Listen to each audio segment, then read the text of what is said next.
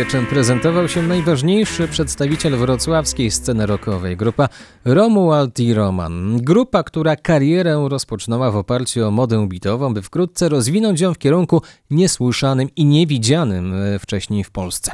Michał Kwiatkowski przy mikrofonie, dobry wieczór. Słuchane przed momentem we fragmencie Talizmany zarejestrowane zostały we Wrocławiu w dużym studiu naszego radia w kwietniu 1970 roku, ale w epoce nie znalazły się na żadnej płycie. Dlaczego? O tym między innymi będziemy rozmawiać z tymi, którzy przed laty zaangażowani byli w ten projekt. Pierwszy gość już z nami, jest nim współzałożyciel i jeden z liderów grupy, pan Roman Runowicz. Dobry wieczór. Dobry wieczór panu. Panie Romanie, historia związana z Romualdem i Romanem rozpoczyna się w drugiej połowie lat 60. Wtedy na wrocławskiej Politechnice, właściwie to w akademikach uczelni, zawiązuje się grupa skupiona wokół studentów elektroniki i architektury.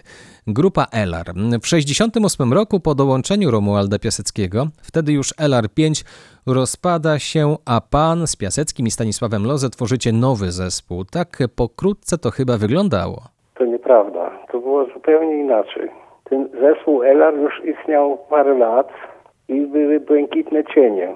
Tam grał Romuald Piasecki. Taki się pojawił człowiek na firmamencie i stworzył grupę International Boys, gdzie właśnie połączyli się członkowie zespołu Elar i, i Romuald Piasecki doszedł do tego. I myśmy grali pod, pod podszywką tą. I potem powstała, ale to były właściwie nie, nielegalne koncerty, bo myśmy musieli rozmawiać po angielsku ze sobą, że, bo my niby zagraniczni, ten, wie pan. I potem się to skończyło i powstała grupa I, gdzie ja zostałem. I myśmy grali parę koncertów, ale potem wróciłem po, po, po, ponownie do Elaru ale Elarze mi się tam nie za bardzo podobało i zacząłem z Romualdem kombinować i wtedy powstała właśnie grupa Romuald i Roman. Ale że ja studiowałem architekturę i Stanisław Staszek Lozę też, to żeśmy mieli, mogliśmy używać aule Politechniki na próby. I tak się zaczął właśnie zespół. Romuald i Roman. W tym pierwszym składzie Romualda i Romana mamy też Jacka Barana, mamy Andrzeja Tylca no oraz śpiewających gitarzystów, których imiona posłużyły za nazwę grupy. No i kto wpadł na pomysł, aby kwartet znany był jako Romuald i Roman? To ja wpadłem na, na ten pomysł, bo był taki zespół angielski, który nazywał się Herman Hermits. To była taka grupa w 60 latach. No ja powiedziałem do Romualda, no to Roman i Romuald, Romuald i Roman, Herman, Hermits, no i żeśmy tak na to imię zgodzili. Herman Hermits raczej w polskim radiu ciężko było usłyszeć. Tutaj dużą chyba rolę no, odgrywało Radio Luksemburg. To właśnie, Radio Luksemburg. No, taka była znana piosenka tego zespołu No Milk Today. No i to, to 60 lata, połowa 60. No milk today, my love has gone away. The bottle stands forlorn, a symbol of the dawn. No milk today, it seems a common sight, but people passing by don't know the reason why. Jaki był pomysł, ten muzyczny pomysł na Romualda i Romana? Czy od początku założeniem było jak najszybsze odejście od przaśnego big beatu w kierunku szeroko pojętej awangardy?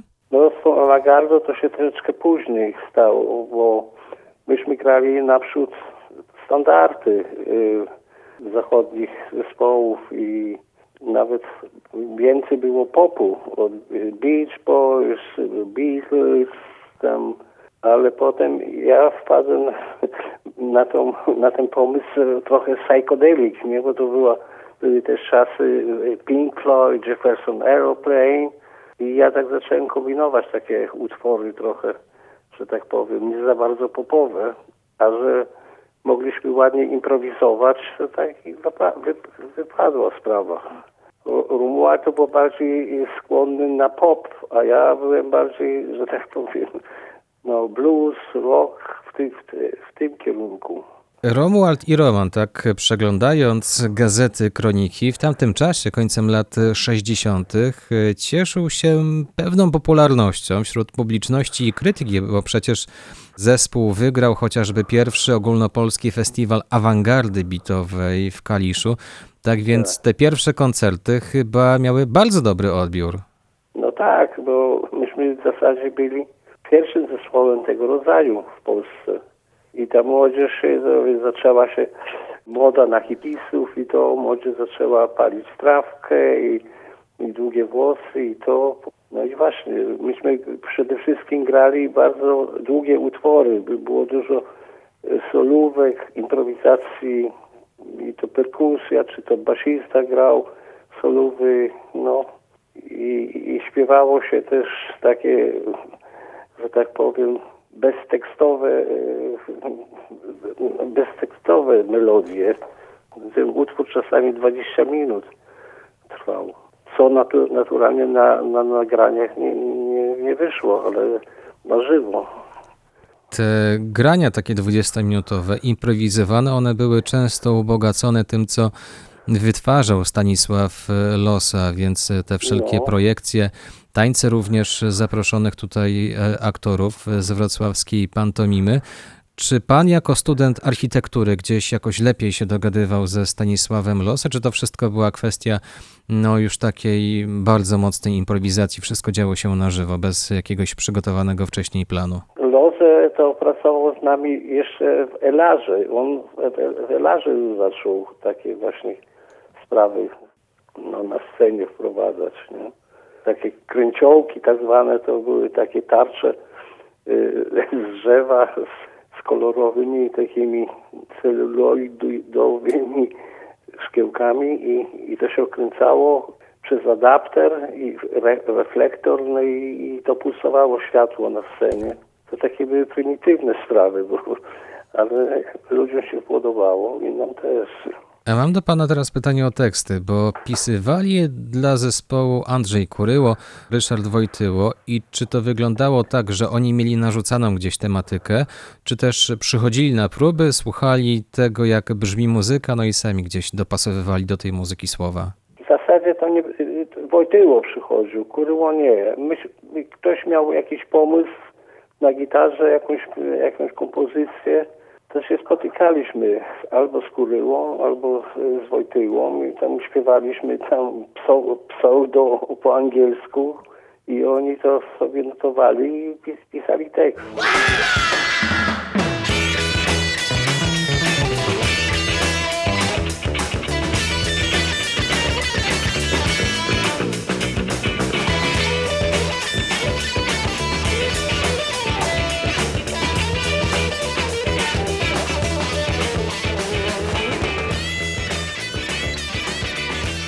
A pamięta pan, y, jak Romuald Roman występował w filmie, w filmie Trąd Andrzeja Trzosa Rastawieckiego? Pamięta pan tę historię?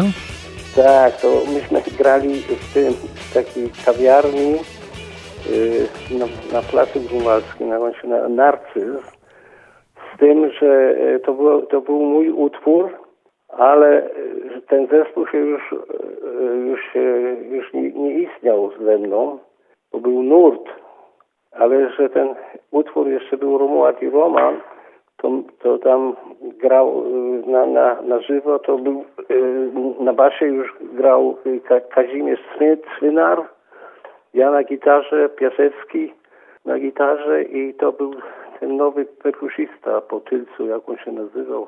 Stanisław Kasprzyk, czy nie chodziło o tego perku- Tak, tak, tak, właśnie on. Też, też go Niemen kupił potem. Andrzeja Tylca, myśmy grali z Niemenem e, koncerty i on sobie upatrzył tego Andrzeja, bo on dobrym perkusistą był. No i, i on nas opuścił i potem przyszedł drugi. I on też był, się wyrobił, był bardzo dobry perkusista i znowu go Niemen wziął. No i to, co tam się z Romualdem zaczęło produkować, to nie było po mojej linii.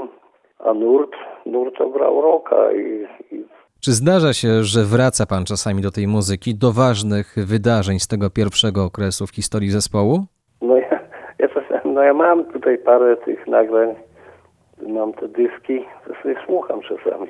Bo mi to ludzie przysłali i płyty, i te CD, i to. Myśmy grali tam koncerty w Budapeszcie, no to myśmy grali tam w takich klubach. To było jakieś, aha, bo, bo Politechnika, Politechnika Wrocławska z Politechniką budapesztańską miała jakieś kontakty i to na, na, na wymianie coś w tym.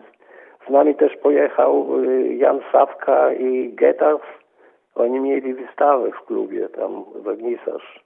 Tam specjalnie takich wielkich koncertów nie graliśmy, tylko po klubach studenckich. Nawet, nawet tam pieniędzy nie, nie płacili, bo to niby tak było. No. Pożywienie w stołówce studenckiej. Chciałem teraz e, zapytać może o taki najważniejszy e, dla pana utwór, pański utwór, jaki był napisany na potrzeby zespołu Romualdi Roman. To był ten pierwszy hit nasz chyba, pytanie czy hasło. Co, co prawda y, Piasecki się kłóci ze mną, że to jego kompozycja, ale to nieprawda. Ja tekst też do tego napisałem. No i aranżacja też moja była. No i rzuć, rzuć kamień też. To takie dwa, dwa numery, które mi się najbardziej podobały. Panie Romanie, od lat nie mieszka pan już we Wrocławiu, ale w Niemczech, dlatego też bardzo dziękuję, że znalazł pan czas, aby podzielić się z nami tymi ważnymi wspomnieniami. No to cieszę się, że sobie pan przypomniał o, o nas i, i pozdrawiam ludzi wszystkich, nie? Dziękuję raz jeszcze i do usłyszenia. Do usłyszenia. Cześć.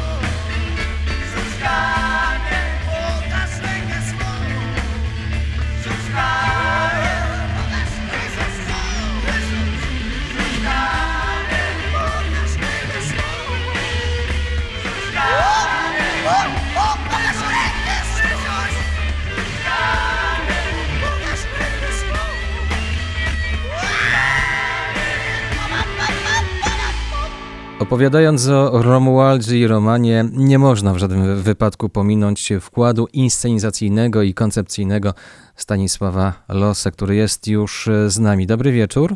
Dobry wieczór panu. Panie Stanisławie, grupa Romualdi Roman najbardziej dała się poznać z racji swoich widowisk muzycznych, pionierskich w skali całego kraju. Pan był twórcą tych inscenizacji, o nich oczywiście porozmawiamy, ale chciałem rozpocząć od roku 1967. Myślę, że to ważna cezura, bo wtedy po czwartym roku studiów na wrocławskiej architekturze postanowił pan zrobić sobie przerwę na eksperymenty. Eksperymenty z muzyką, z teatrem, prawda? To raczej e, muzyka i zespół e, i to, co się otwierało przy okazji występów zespołu i tych moich eksperymentów spowodowało, że, że, że, że wstrzymałem swoją działalność studencką, uczelnianą, bo po prostu nie można, trudno było pogodzić jedno z drugim, dla- dlatego że coraz więcej no, e, muzyka zajmowała czasu i, i, i, i- działalność e, e, studencka i, i finalizowanie studiów było dość utrudnione. No więc dlatego wziąłem urlop, przerwałem studia. To był czas, kiedy na Politechnice działał już LR5 i to z tego środowiska wywodził się pan i muzycy, którzy weszli w skład Romualda i Romana. Co było powodem zawiązania tej nowej grupy? Co było powodem odrzucenia mody bitowej i podążania tropem awangardy? To są y, y, może dwa jakieś takie źródła tutaj. Jedno źródło to to, że chodziło o to, żeby jednak trochę wyjść z tego głębokiego amatorstwa, które jednak y, panowało w Elarze 5 i to takie trochę amatorstwo muzyczne, ale może też i amatorstwo estradowe. Aczkolwiek z mojej strony wszystko, co się inscenizacyjnie urodziło, to właśnie urodziło się w Elarze, niewątpliwie. Natomiast y, wydawało się, że trzeba coś zmienić, żeby zespół trochę wyżej stanął muzycznie, a jednocześnie no żeby się troszkę przekształcił w taki zespół powiedzmy ćwierć zawodowy, bo trudno było wtedy mówić o czymś takim jak zespół zawodowy. A poza tym, no wszystko to było, wie pan, e, e, e, jakim, to, była, to były próby wyjścia z jakiejś absolutnej ciemności i próżni, bo przecież nikt niczego nie wiedział. Trzeba mieć świadomość, że myśmy żyli w jakimś takim, powiedziałbym, więzieniu muzyczno-inscenizacyjnym, bo przecież nie było żadnej wieści, co się na świecie dzieje. Nikt, jedyne, co pozostawało, no to Radio Luksemburg i, i jakieś takie, i może audycje Kydryńskiego, Lucjana, który tam czasem trochę jakiegoś bluesa czy rydem bluesa puścił. I to, I to właściwie było wszystko tych czasów oczywiście nie jestem w stanie sobie mm, przywołać, co najwyżej mogę je sobie wyobrazić. Natomiast ta wizja nie obejmuje tego, że w tamtym czasie, kiedy brakowało wszystkiego, obok widowiska scenicznego, pan również zajmował się produkcją strojów dla zespołu, afiszy, plakatów, produkcją otulin szaf głośnikowych na wzór aparatów zachodnich. No to przecież było i bardzo pracochłonne, ale i też musiało pochłaniać niemało środków finansowych. No rzeczywiście przypomniał mi pan coś takiego. Rzeczywiście, y, no, no, ale narysowanie kilku skrzynek, wie pan, i znalezienie do nich materiałów, bo tu chodziło o skrzynię, o y, boksy firmy Vox, która była bardzo popularna. Grali na nich, y, na tym sprzęcie grali Beatlesi. O dziwo, chociaż byliśmy emocjonalnie bardziej związani z Rolling Stonesami. No rzeczywiście coś takiego narysowałem, takie skrzynki, a Wojtek Hornowicz z Andrzejem Walem je wypełniali. Natomiast stroje rzeczywiście, stroje też sprowadziłem materiał i zaprojektowałem te stroje, a był kłopot z ich wykonaniem i jedynym wykonawcą tych strojów, ponieważ zwykły krawiec nie umiał tego zrobić, ponieważ był przyzwyczajony do krojenia według wzorów. Ale technikum krawieckie, które było we Wrocławiu, bardzo sprawne przy ulicy Kamiennej. Tam u, u, nauczyciele i uczniowie uszyli nam te stroje. Byliśmy pierwszym takim zespołem, który miał y, stroje takie wyglądające jak jedwabne marynarki, bo to były tylko marynarki. Każda była in, in, w innym kroju, inaczej zaprojektowana. W większości zdjęć y, tamtego czasu, no to te, to te stroje y, są ukazane na zdjęciach. No, namalowałem też e, e, gitarę Romkowi bardzo kolorowo i psychodelicznie. Wymalowałem ją. No i plakaty oczywiście, które też projektowałem. Tak, tak. Jest taki znany plakat Romualdów i Romanów dwukolorowy, pomarańczowy i czerwony w dwóch różnych wersjach, tylko z tymi literami Romuald i Roman i nic więcej. No i one były takim znakiem firmowym potem tego zespołu. Wiemy więc, jak grupa, jeżeli chodzi o sceniczny anturaż, prezentowała się na żywo. Jaki był więc pański zamysł na te widowiska muzyczne Romualda i Romana? Jakie efekty starał się pan wprowadzić w ramach tych inscenizacji? Wie pan, różnica pomiędzy tym, co ja robiłem, a tym, co robili inni, była taka, że ja nie przygotowywałem żadnego scenariusza nie było żadnego programu, co będzie pokazywane, nie było algorytmu jakiegoś e, postępowania w tej całej sprawie. Czym cechowały się tamte zespoły? Ja się nie uważałem za jakiegoś inżyniera światła czy sceny, tylko dla mnie to było moje własne przeżycie i rodzaj takiego performance'u. Ja muzykę e, traktowałem jako tworzywo moje własne. Ja po prostu byłem przed tą sceną, miałem cały sprzęt i w zależności od tego, co ja osobiście przeżywałem, to uruchamiałem na scenie.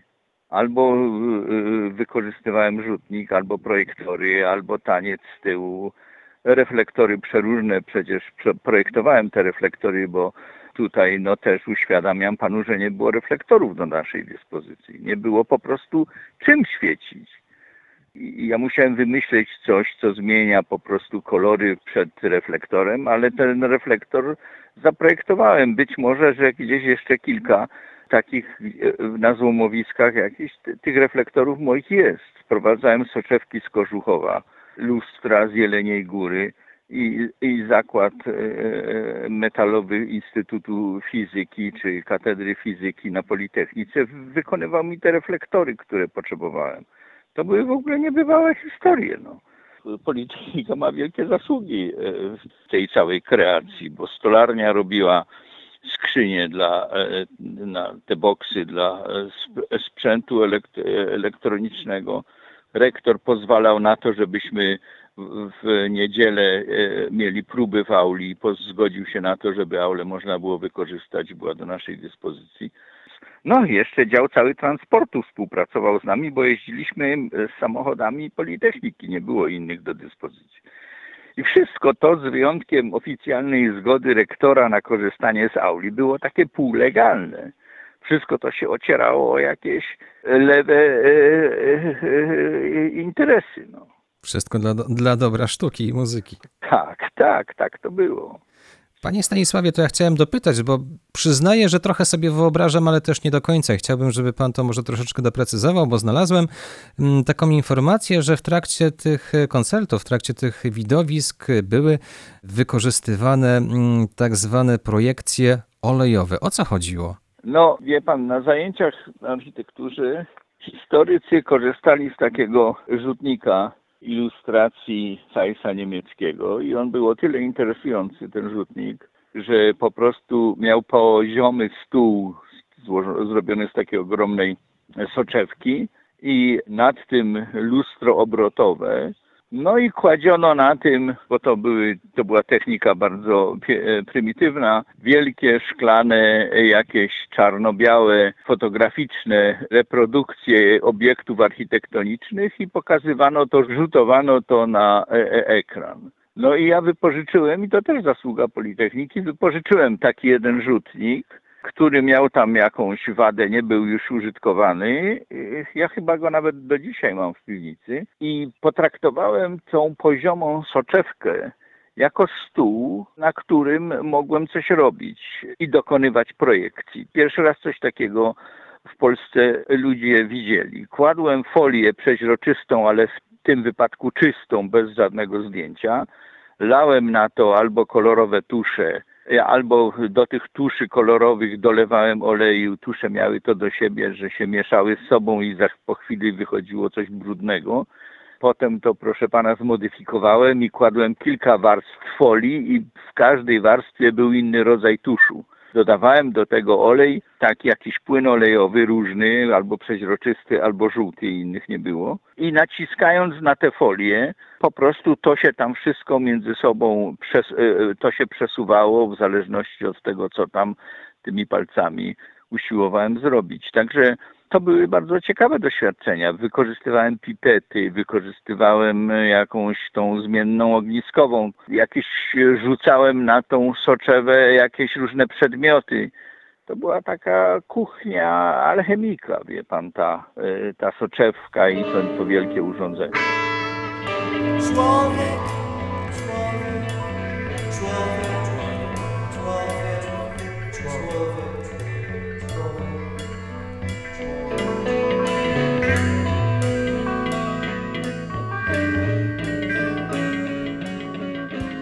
wykorzystywałem też dymy, no.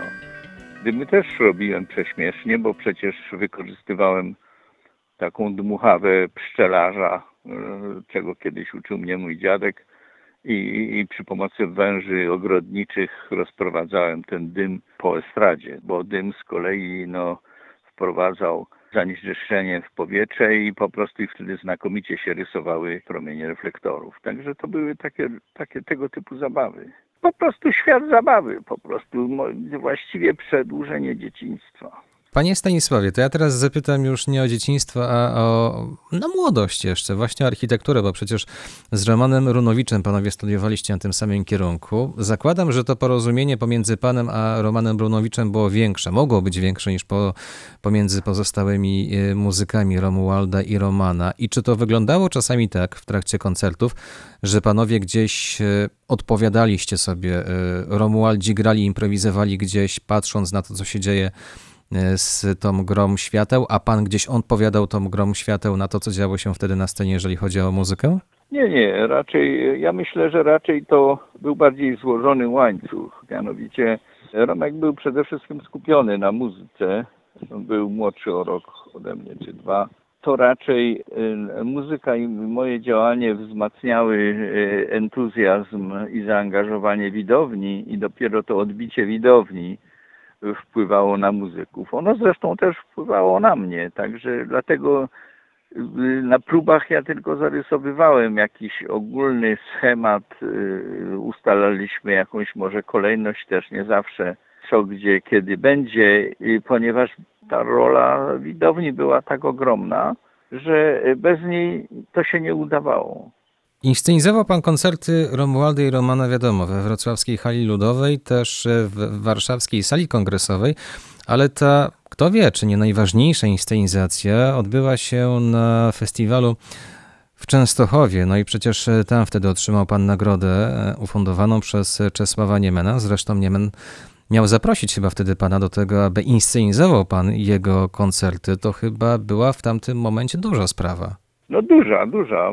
Zaprosił mnie na obiad e, w dawnym Monopolu. Siedzieliśmy sami w całej sali e, pod kolumną. No i rozmawialiśmy o, o, o, o tej sprawie. No i wtedy się Niemen dowiedział, że ja jednak chcę być architektem i zostać architektem i e, że to jest tylko przygoda a, a że e, zaangażowanie w jego e, zespół no, e, po prostu zmusi mnie do rezygnacji z kończenia studiów i będę po prostu no, trochę takim pracownikiem ekipy. To było bardzo miłe i sympatyczne spotkanie i, no, i na tym się skończyło. Potem, potem Andrzej Tylec przeszedł, perkusista do niego i także w jakiś sposób no, Niemen niewątpliwie znał zespół, no skoro, e, e, skoro proponował. Zresztą nie tylko Andrzej, bo przecież Andrzej Wal i Wojtek Hornowicz zrobili też Niemenowi e, sprzęt nagłaśniający. Bardzo dobry i bardzo potężny. Andrzej Tylec odejdzie do Czesława Niemena, Roman Runowicz przeniesie się do formującego się nurtu, pan też opuści Romualda i Romana. To będzie spowodowane tymi zmianami personalnymi? Tu był inny problem. E, tu był taki problem, to był właściwie szczyt jakby e, Romualdów. I w pewnym momencie e, no, Romualdowie nie dostrzegali, zespół nie dostrzegał roli tej inscenizacji i tego, i tych środków w popularności zespołu. Taka scena, taka widownia no to to są przede wszystkim emocje. I, i, a emocje są wywoływane w ogromnym stopniu y, środkami wizualnymi. No tutaj wzrok przeważa bardzo mocno nad wszystkimi innymi receptorami. I po prostu to wszystko razem na bazie muzyki dawało taki efekt, że ludzie po prostu szalenie się emocjonowali. Zakładali jakieś kluby, zapraszali nas, w ogóle było szaleństwo hotel, jeśliśmy gdzieś byli na wyjeździe, był okupowany przez tabuny nastolatek. I to e, po prostu muzyków zafascynowało. Oni sami się poddali tym emocjom, które, e, które tworzyli, ale poddali się tym emocjom poza spektaklem. I, i nagle im się wydawało, że oni są po prostu e, alfą i omegą spektaklu. No i tu się zaczęły pewne zgrzyty, prawda?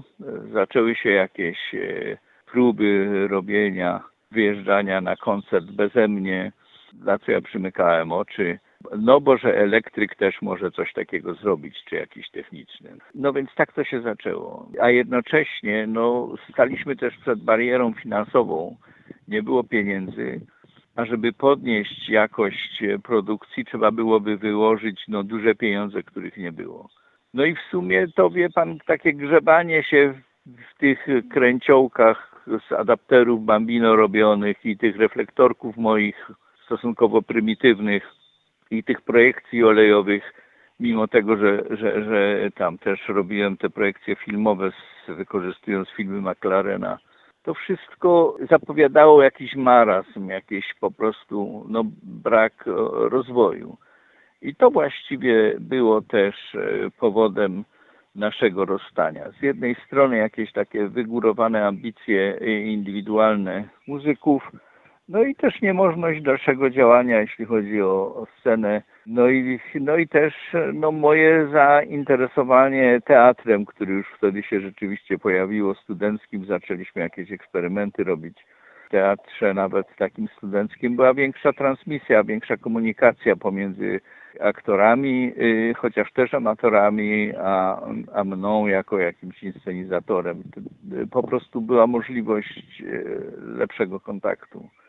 Także potem przez kilka lat no, y, tym się zajmowałem. No i dało mi to jakieś znaczne doświadczenie w zakresie po prostu no, jakby innym, no, po prostu przestrzeni teatralnej. To panie Stanisławie, bardzo dziękuję za te, za te piękne, piękne wspomnienia. Stanisław Losy był moim i państwa gościem. Dziękuję bardzo. No dziękuję panu. Dziękuję najmocniej. Do usłyszenia.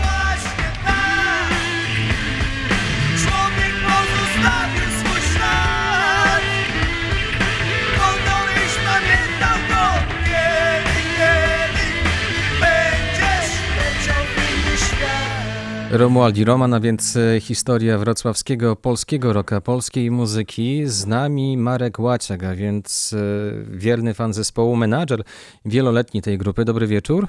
Dobry wieczór, witam słuchaczy Radia Wrocław.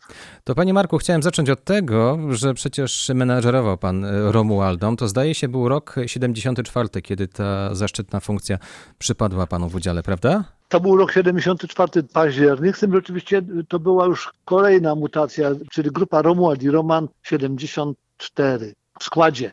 Romuald Piasecki, gitara, następnie Jacek Krzaklecki, gitara, Jacek Krzaklecki aktualnie w perfekcie grający, Zbyszek Wrzos na gitarze basowej i Stanisław Kasprzek na perkusji i dwóch wokalistów, Leszek Kot z Paktu i Jacek Baran z Romualdi Roman.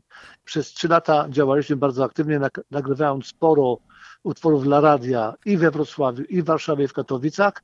Natomiast y, mogę się pochwalić jako powiedzmy y, dla radiosłuchaczy słuchających być może lata z radiem, grupa Romuald i Roman była prekursorem wizyt zespołów muzycznych w tej audycji i powstał taki utwór Płonie, płonie ognisko, który skomponował y, nasz muzyk Krzysiu Orłowski do słów Słowomira Szofa, wtedy prowadzącego audycję. Prekursorem? Co to, co to znaczy prekursorem? Do tej pory w audycji Lato z Radiem gościli y, piosenkarze, twórcy, natomiast nie było żadnych zespołów muzycznych.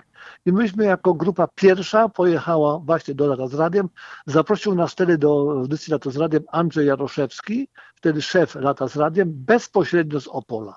I po nas już zaczęły zespoły gościć inne y, popularne polskie właśnie w audycji, bo przekonali się y, y, muzycy innych zespołów, że to jest bardzo nośna audycja.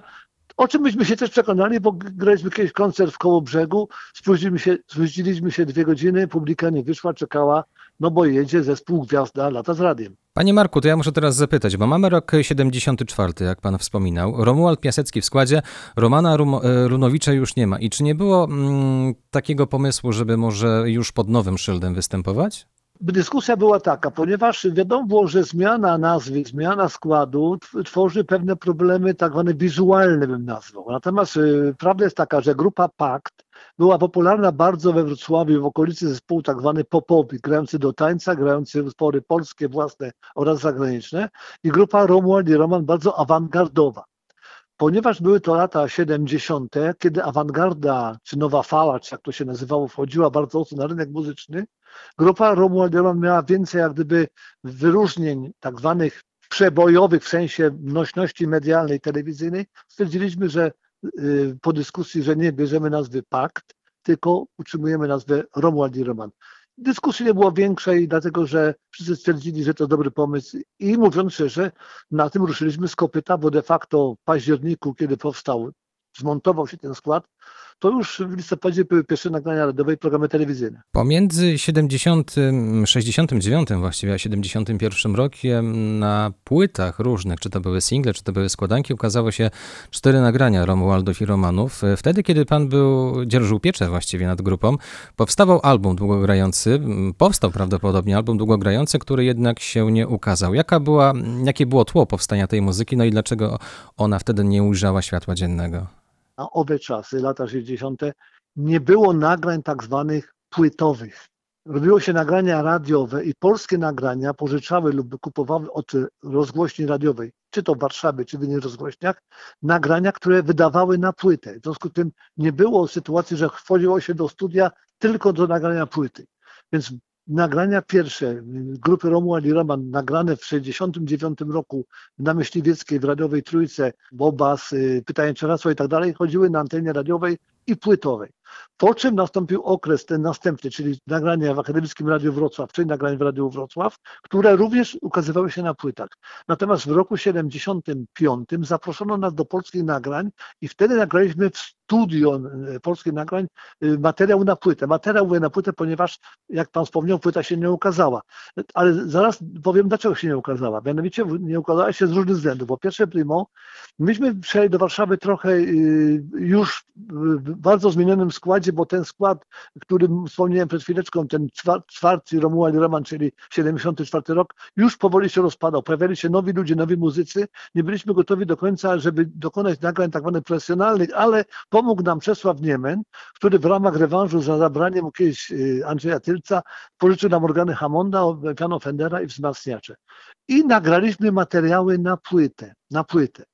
Ale wtedy w, w, w polskich nagraniach była taka koncepcja, no, no raczej muzyka popowa, czerwone gitary, skaldowie, trubadurzy, natomiast cały czas problemem, który był w polskich nagraniach, był kwestia tak zwanego tworzywa, czyli tak zwanego kauczuku, z którego się tworzyło płytę. Były limity i po prostu kiedy myśmy byli w kolejce, kiedy redaktorzy muzyczni yy, nagrań, polskich nagrań chcieli wydać płytę, okazuje się, no po prostu braku surowca. W związku z tym no, spadliśmy z listy obecności na któreś kolejne miejsce, a w to miejsce przyszły płyty, nie wyobrażając znakomitych piosenkarzy jak Ewa Śnieżanka, jak yy, Krzysztof Krawczyk i tak dalej. A potem już jak gdyby zespołu już nie było, nie było atrakcją, żeby temat ciągnąć i po prostu odpuszczono sobie go. Natomiast o tym sobie wspomniano w 2000 chyba 5 albo 6 roku Wojtek Kwapisz, były menadżer Lady Punk, y, były szef y, redakcji nagrań Radia Warszawa, zaproponował nam wydanie skomasowanego y, podwójnego CD Romuald i Roman, ale wszystkie to nagrania były nagrania wcześniej nagrywane w studiach Polskiego Radia. To panie Marku, ja muszę jeszcze zapytać teraz o takie przełożenie tej sytuacji wrocławskiej Romualda i Romana na warszawską, bo tak sobie myślę teraz o tych płytach, które się ukazywały, nagraniach od e, drugiej połowy lat 60. do drugiej połowy lat 70. powiedzmy. No brekauci przecież płyty nagrywali, Niemen też wiemy. Od czerwonego albumu to już był Niemen mocno eksperymentalny, marionetki i inne historie. I czy nie było czasami tak, że zabrakło takiej osoby gdzieś w Warszawie, która by mogła dopilnować, która by mogła gdzieś e, pociągnąć ten temat, żeby ta płyta powstała? Na pewno brakowało nam tak zwanego przełożenia w Warszawie, żeby zespół był znany, musiał mieć, y, nagra- musiał mieć koncertować po pierwsze primo, musiał mieć drugie nagrania. Ja jako wtedy dziennikarz y, pracujący w Radiu Wrocław i Telewizji Wrocław starałem się te nagrania organizować, organizowałem je i dlatego one ukazywały się na antenie radiowej Studio Rytm, innych programach, natomiast nie graliśmy takiej liczby koncertów oszemiających, ponieważ byliśmy z Wrocławia. Niestety przykrością stwierdzam, wtedy Nikogo nie interesowało mieście Wrocławiu, że jakiś zespół z Wrocławia coś tam gra. Jak były jakieś sukcesy, to były traktowane, a no fajnie udało im się. Natomiast inne miasta, jak Kraków, na przykład Poznań, przewijał się jak mógł a między innymi dlatego, że miał bardzo silne wtedy w Poznaniu estradę poznańską, gdzie był dyrektorem Napierała, czy w Łodzi Andrzej Jóźwiak, czy w Warszawie, gdzie była stołeczna estrada. Myśmy mieli Impart, sympatyczną firmę, ale to była firma bardziej nastawiona na organizację koncertów raczej tak muzyki popowej, a nie muzyki y, rockowej, bo ciągle byliśmy big beatowcami, a to wtedy nie było takie fajne, że bitowcy tam, prawda, naszą kulturę ustawiają, tym bardziej, że to były czasy, no niestety komuny, a mm, inne były pryncypia, muzyka rockowa była traktowana zawsze jako zło konieczne, przecież tak samo było z festiwalem, że nad Odrą było to traktowane jako wentyl bezpieczeństwa, ale nikt nie hołubił e, Wrocławia. I mówiąc, że festiwal e, jazzowy nad Odrą istniał wiele lat, był popularny, ale nie był jakimś takim przebojowym, bo jak typu Dżemboli w Warszawie, ale przez 50 lat swojej działalności festiwal się w branży przebił, natomiast myśmy jako Romuald i Roman grali tylko 3 lata, a żeby się naprawdę przebić, to jest taka już cezura, którą przekonałem się wiele lat, 4 lata to jest minimum działalności, żeby o nas ktoś mógł głośno mówić. Panie Marku, to zapytam jeszcze na koniec naszego spotkania zdalnego. Jakie było wydarzenie, które gdzieś pan najmocniej zanotował w głowie z tych trzech lat, kiedy pan menadżerował Romualdą? Największe zamieszanie w sensie popularności muzyków, nie tyle ile ile zespołu stworzył nam y, non-stop Hady Gwardii w Warszawie, bo właśnie stamtąd Jacek Krzaklewski poszedł do testu, potem do perfektu. Kaziu Swynar, który grał u nas na basie, poszedł też do testu, do innych zespołów. Y, I Warszawa, Warszawska, przepraszam, Warszawa, jak to woli, zobaczyła, że Wrocław jest to prężnym miastem muzycznym. Przecież w końcu Mietek Jurecki też u nas grał na basie w grupie Romuald i Roman i ludzie, jak to mówi, kontakt robi kontakt. Pokazywali się, grali w zespole, już były podchody do nas wzięcia. Hołdy wziął przecież nam połowy muzyków w zespole. Y, perfekt, no jednego, ale już y, zakusy były na wielu. Y, inne zespoły, przecież myśmy również w czasach późniejszych trochę, kiedy zespół przestał istnieć, zasilali zespoły muzyczne dla impartu, między innymi, nie wiem, co wielkie słowa, ale na przykład połowa grupy Romuald i Roman grała jako sekcja akompaniująca dla Ireny Santor, dla Marii Koczewskiej, Haliny Frąckowiak i w zespole Spisek i w grupie e, Aleksandra Mazura, więc e, no, a potem przecież połowa muzyków z Dzichu Janiak do Budki Suflera, no nie będę wymieniał nazwiskami, bo tego, tego, tego było sporo, czyli może zespół jako taki się nie przebił, ale muzycy zespołu się przebili. No to panie Marku, teraz ocalamy od zapomnienia Romualda i Romana, tę muzykę, no i te ważne postaci, nie tylko dla wrocławskiej, ale i też dla polskiej sceny. Marek Łaciak był moim Państwa gościem. Dziękuję bardzo. Dziękuję, kolorowych snów i do miłego usłyszenia znowu.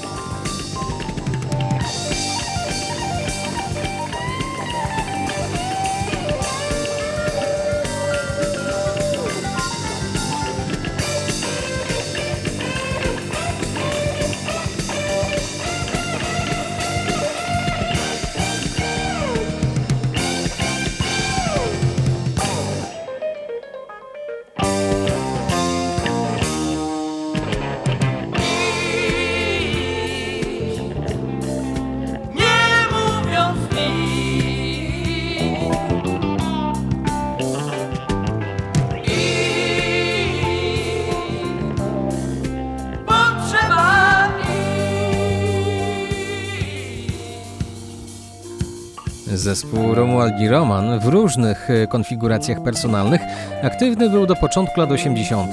Przez ten czas na singlach, e, kompilacji i pocztówce dźwiękowej ukazały się zaledwie cztery nagrania grupy. Dopiero po latach nastąpił prawdziwy renesans zainteresowania jej fonograficznymi dokonaniami. I tak ukazała się jeszcze w latach 90. składanka Digitonu. Potem kompilacja i to od razu podwójna, przygotowana przez agencję muzyczną Polskiego Radia, w końcu dwie płyty firmowane przez wydawnictwo Chameleon Records, od lat ocalające od zapomnienia skarby polskiej muzyki.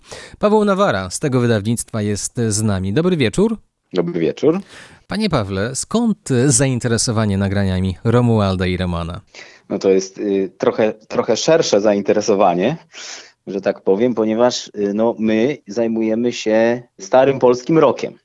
Wyłącznie. To jest taka, taka wielka pasja hobby i no, z siłą rzeczy y, interesując się starym polskim rokiem nie można nie interesować się Romualdem i Romanem, tak? I, i, i tam nawiązaliśmy kontakt właśnie, żeby, żeby spróbować ocalić od zapomnienia po raz kolejny także tę grupę. Do tej pory dwie płyty z nagraniami wrocławskiej grupy zostały przez Camelon Records wydane, mianowicie Psychedelic Trip y, Part 1 i Part 2, część pierwsza i część druga, jak kto woli. Towarzyszy im ciekawa adnotacja. Tym, którzy nie znają dobrze twórczości Romualdów, ciężko będzie uwierzyć, jak niesamowicie i świeżo wypada ich eksperymentalna muzyka na tle innych, o wiele bardziej popularnych, a przez to mocno ugrzecznionych zespołów z tego okresu. Nie za mocna laurka? Staramy się raczej pisać to, co uważamy naprawdę, tak? To nie jest, to nie jest jakiś marketing uprawiany, tylko ponieważ działamy na zasadzie fani dla fanów, to staramy się, żeby, żeby wszystkie notki na naszych płytach i, i te nazwijmy to reklamy dokładnie pokrywały się z naszymi odczuciami. To jest zawsze subiektywne. Natomiast no, mogę powiedzieć, że Romuald i Roman nie był nigdy tak popularnym zespołem. Szczerze mówiąc, to w ogóle uważam za, za cud, że grając tak niekomercyjną muzykę, oni, oni w ogóle jakoś istnieją jeszcze w świadomości słuchaczy. No ale to, to akurat bardzo, bardzo korzystne. I nie będąc takim komercyjnym zespołem, łatwiej im było grać muzykę y, taką mniej trafiającą do, do jak największej rzeszy słuchaczy. Mogli robić bardziej to, na co mieli ochotę. Nie byli niewolnikami po prostu, tak, swojej, swojej popularności. Pewne grupy, będąc popularne, wiedziały, że nie mogą sobie za bardzo pozwolić na, na zbyt wielkie eksperymenty, bo albo cenzura to zatrzyma, albo rzesze fanów się odwrócą i tak dalej, i tak dalej.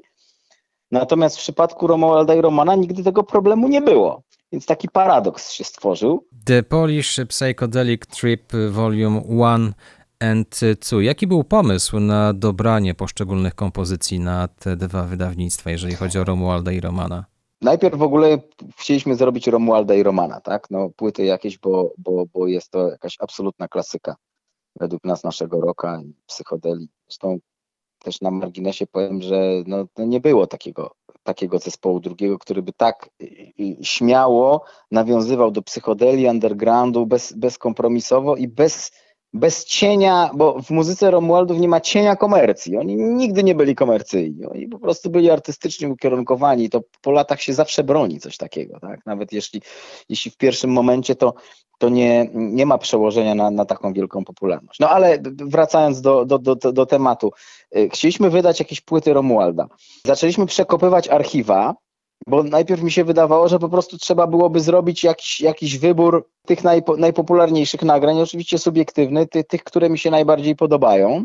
Tym bardziej, że no, te dwie płyty, o których mówimy cały czas, to są płyty winylowe, a właściwie na winylach no, nie ukazało się nic Romuald do tej pory. Poza czwórką i, i na składance Bobasem przed laty, to, to, to nie było żadnych, żadnych. No jeszcze tam na jakiejś składance był jakiś jeden utwór. Ale jak zaczęliśmy przekopywać te archiwa, to okazało się, że nie może bardzo dużo, ale istnieje kilka nagrań takich, które do tej pory nie ukazały się jeszcze na płytach żadnych, tych składankowych, kompaktowych także. Coś tam w archiwach telewizyjnych, również w archiwum Radia Wrocław się znalazło, coś w prywatnych zbiorach członków zespołu, tak? No i w ten sposób te płyty zostały skompilowane, że, że chcieliśmy udostępnić te nagrania, których nigdy dotąd y, nie można było posłuchać z żadnego nośnika dźwiękowego, a zostały uzupełnione już zupełnie subiektywnie przez nas tym, co uważamy, że y, z poszczególnych etapów działalności zespołu było najbardziej interesujące.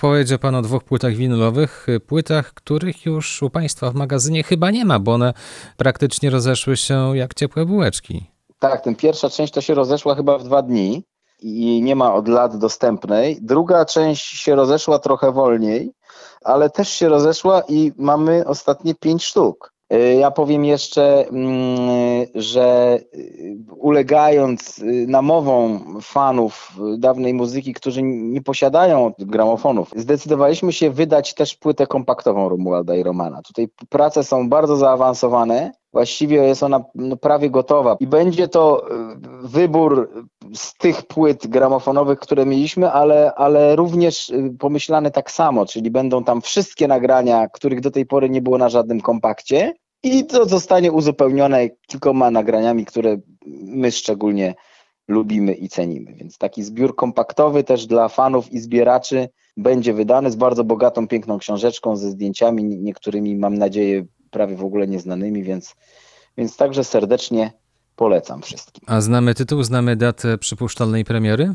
trochę mnie pan zaskoczył, bo faktycznie e, jedyna rzecz, o której nie pomyślałem, to, to tytuł, ale, ale pewnie to może też będzie Polish Psychedelic Trip.